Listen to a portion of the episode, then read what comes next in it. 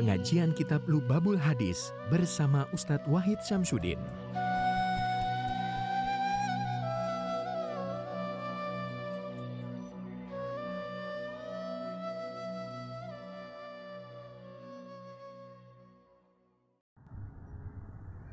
Bismillahirrahmanirrahim. Wa qala sallallahu alaihi wasallam man intaqala liyata'allama ilman ghufira lahu qabla ay yakhtuwa. Barang siapa yang berpindah tempat ay tahawwala masyian aw raqiban. Barang siapa yang berpindah tempat baik dia dengan cara berjalan atau dengan cara dia naik kendaraan liyata'allama dengan tujuan untuk mencari ilmu yata'allama ilman minal ulumi syariah. Ilmu di sini maksudnya adalah ilmu ilmu syariat. Ghufira lahu ma taqaddama min dhanbihi saghair Allah akan mengampuninya qabla ayyaktuwa sebelum dia melangkah. Barang siapa yang berpindah tempat, baik dia dengan cara berjalan maupun dengan cara berkendara, untuk tujuan mencari ilmu syariat, mencari ilmu agama, dengan catatan dengan guru, dengan catatan dengan guru dan ulama yang solih, yang ulama yang musalsal ila Rasulullah ulama yang mempunyai sanad hingga Rasulullah.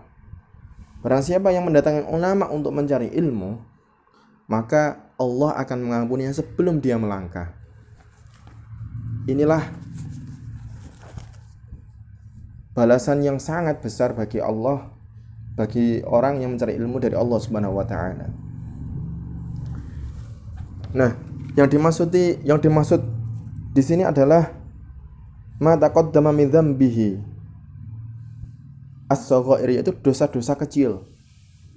Tidak termasuk dosa-dosa yang berbau hakul adami. Nah, maka hakul adami dengan cara apa pun nanti ada fadilah-fadilah yang bisa menghapus dosa. Nah, fadilah-fadilah ini seperti membaca istighfar, membaca sholawat.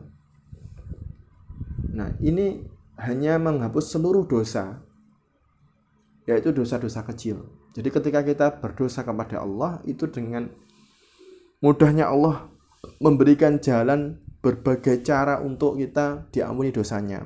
Tapi kalau dosanya sudah dosa yang berbau hakul adami berhubungan dengan hak-hak anak Adam, hak-hak saudara-saudara kita, maka itu tidak akan dimaafkan kecuali mendapatkan ridho bagi orang-orang yang tertolimi. Nah, khusus untuk orang yang ta'allum, berangkat untuk mencari ilmu, maka Allah memberikan bonus mengampuni seluruh dosanya, ai yaitu dosa-dosa kecilnya seluruhnya sebelum dia melangkah berangkat. Nah, sogoir ini kebalikannya kabair. Kabair niki apa? Niki apa ya? Mau limo niku. Kufur, membunuh membunuh orang, minum khamar, zina, mendolimi orang tua, tidak beradab dengan orang tua. Nah, itu termasuk sogoir. Riba. Nah,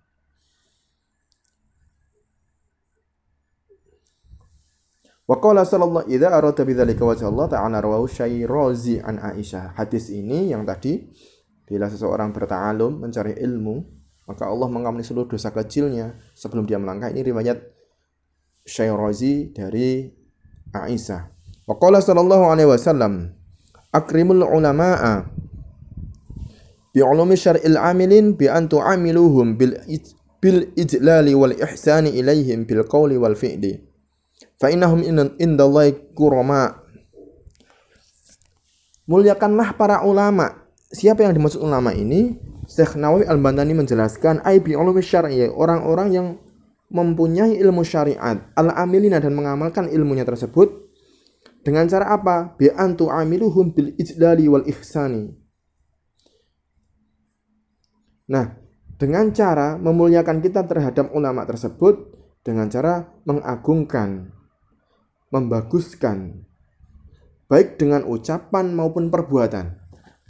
Jadi, perintah untuk memuliakan ulama ini adalah baik dengan ucapan maupun perbuatan. Fa innahum indallahi kurama. Kenapa kok gitu? Karena Allah menganggap mereka adalah orang-orang yang mulia.